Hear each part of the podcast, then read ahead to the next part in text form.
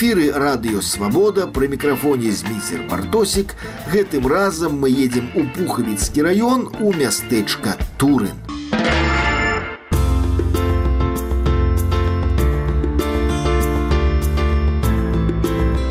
Пра мястэчка Турын я даведаўся пры даволі анекдатычнай сітуацыі.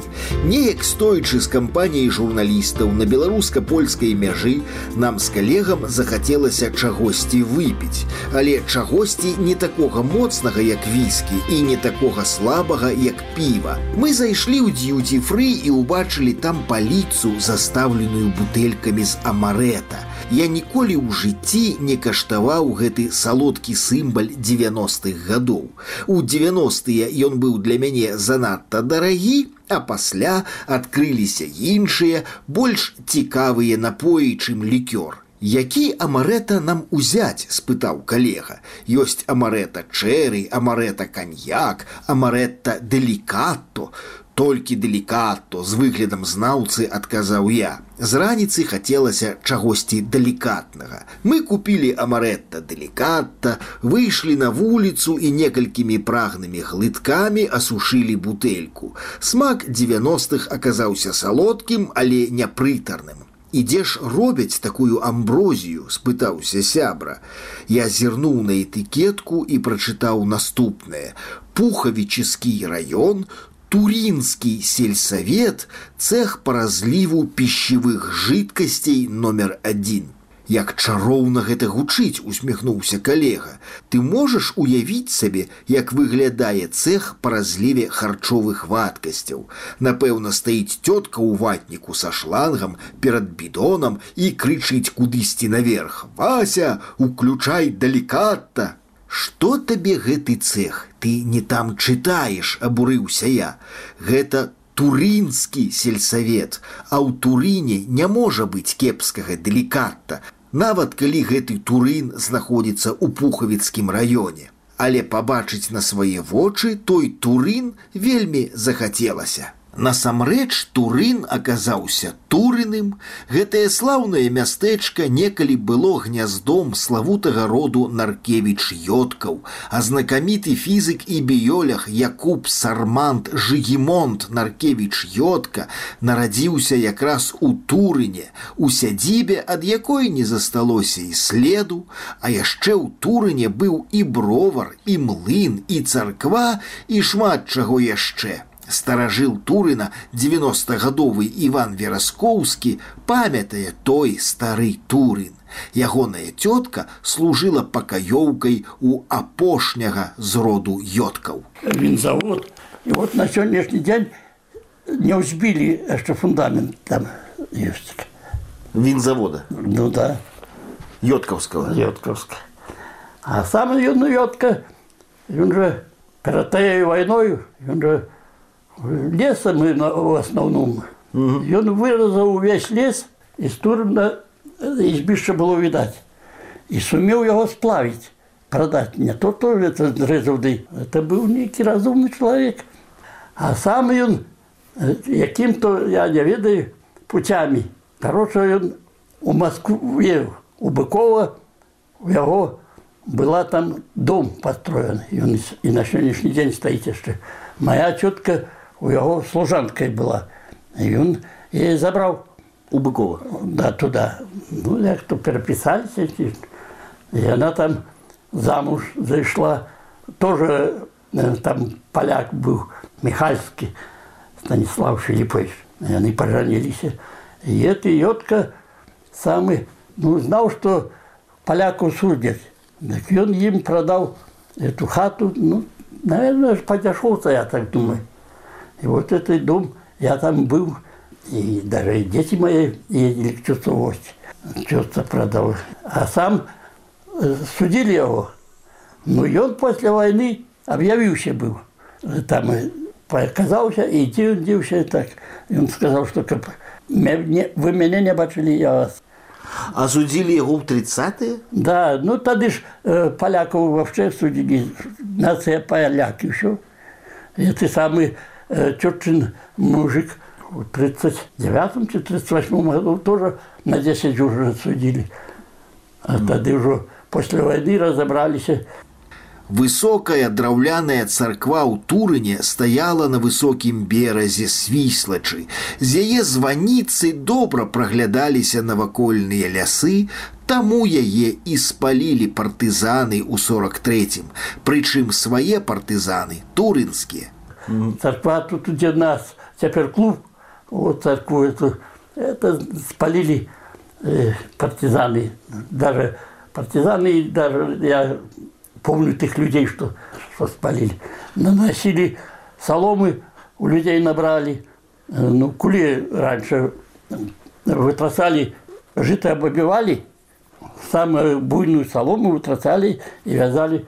Так вот, наносили этих кулю и спалили. А это уже после войны построили на этом месте клуб. Только, ой, была красивая. И такие, там, как э, заходишь, в эту церковь четыре такие стояли, а за Иванича привозили на четверых конях одну брауну. Действительно, столбы такие. Под дуб они были покрашены. В 1939 году у нас Левчик такой был председатель совета. Э, захотели срезать красты. Ника где-то наняли мужика, и он ножовкой пилил што яму плацілі я не ведаю ну, тады ён назбіраў вяровак і высшыня там не 20 метров можа 50 і таких нас конфетаў купіў хлапцоў зацапіў за этой крэсты зламаць зразу не давалася а тады болей і ламалі даў жесть прабіў Это, ну, а это нижайшее, он уже сам. Там было в пять куполов. Это Левчик, той, ну, нанял я его откуда. Ну, не туринский человек был. Во время войны, ну, собрали гроши, тут зерна сбирали. И поставили, нашелся человек, который приварил назад, да.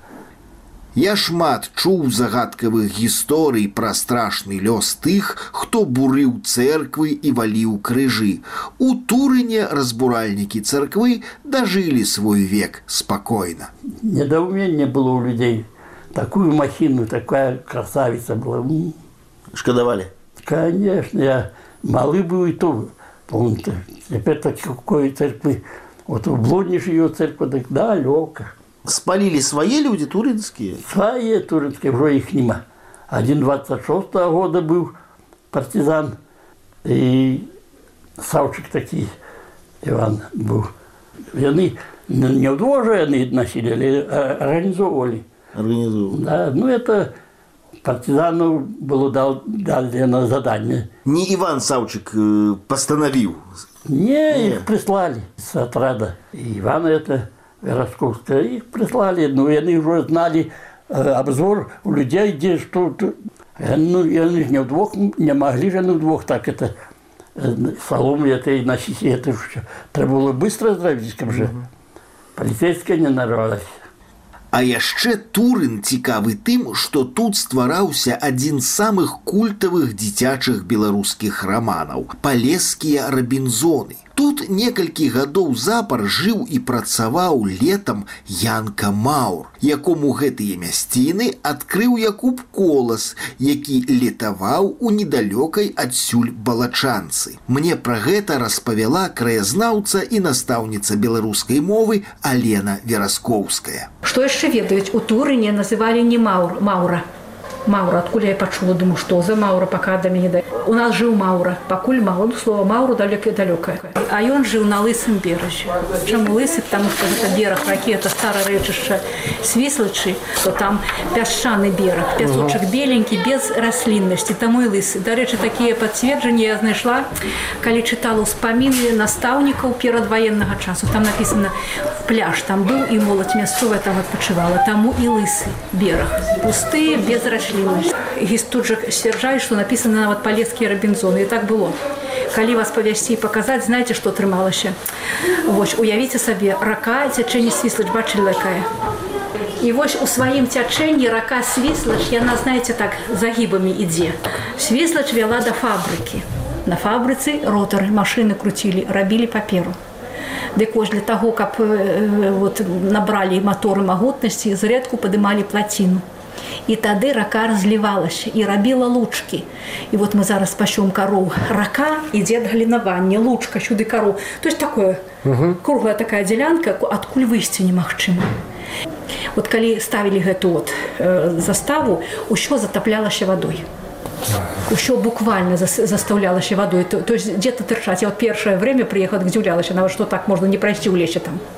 А ён жыў на лысай гары, вада падходзіла пад самую хату так так разлівалася рака вот под бераг свіслача аж сюды под клуб падышло на крыгах каталіся именно таму я думаю что назіраючы за гэтым разліву мог напісаць свае палескія рабінзоны вы там прачытаеце дэталі мы з вучнямі вывучалі палескія рабінзоны там нашли мироны Віктор усё барахталіся помніце кусь кустарнікі лазы у нас это можна бачыць настолькі наглядна что каб вы толькі бачылі асабліва калі затапляецца ўсё гэта Я сяджу ў кабінеце гісторыка Анатоля Тужыкова, сапраўднага беларускага настаўніка. Школа ў Турыне разлічаная на 400 вучняў. Сёння ў ёй вучыцца крыху больш за паўсотні школьнікаў.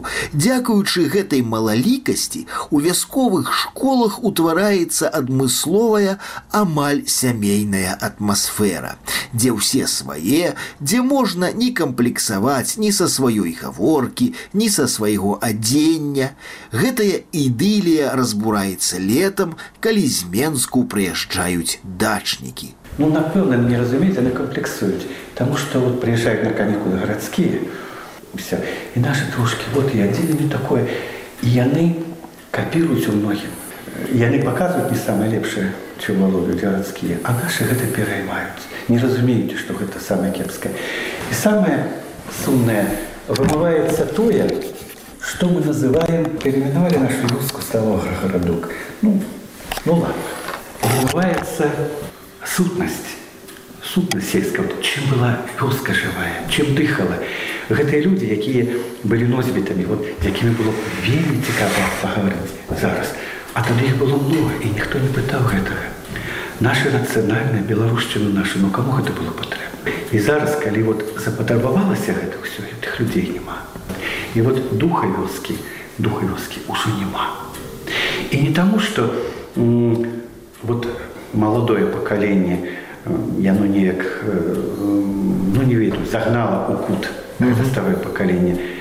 Яно заўсёды поколение не разумела, лучше старейших. И тут поразумения нема.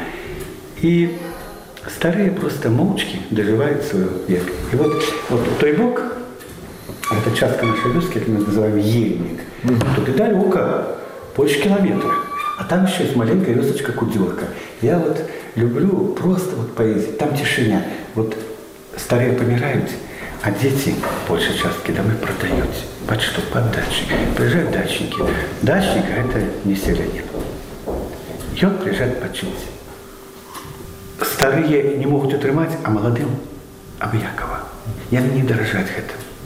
І от мой сын да, навошта друг хадзіць мой сын яго лічу свядомым шчырым чалавекам беларусам яго сынок ну прыйдзеш такі час тут во расце лепш вот это на гародзе показываю тут гэта бацька что такое не трэба чаму тут будзе газонная трава мне напрыклад вёскі балю балюча шкода вельмі шкода што няма таго Сын спадара Анатоля Алексей вядомы прадпрымальнік, які б свой час пратэставаў супраць дзікіх штрафаў з плакатам штрафы белтол генацыд перавозчыкаў. І бацька яго не выхоўваў адмыслова беларускім патрыётам. Ці былі вы самымі самовы у іншым месцы. Ну, ну, ну що там 8-9 класаў яны яшчэ такія у іх ветер у галаве але ж ёсць спадзяванка што ну не забуду дзесьці тут вот у сына мага отложила адклалася ў падсвядомасці это ўсё всплыло таким пышным цветом што я нарабіў так небяспечна і яно вот як тое як той прычына упала на падрыхтаваную хлебу яно ўсё вырасла так што мне зараз папраўляць не ён зараз мне многім папраўляе Усё ж нічога нікуды не знікае, і кожнае прамоўленае слово будзе аднойчы пачутае.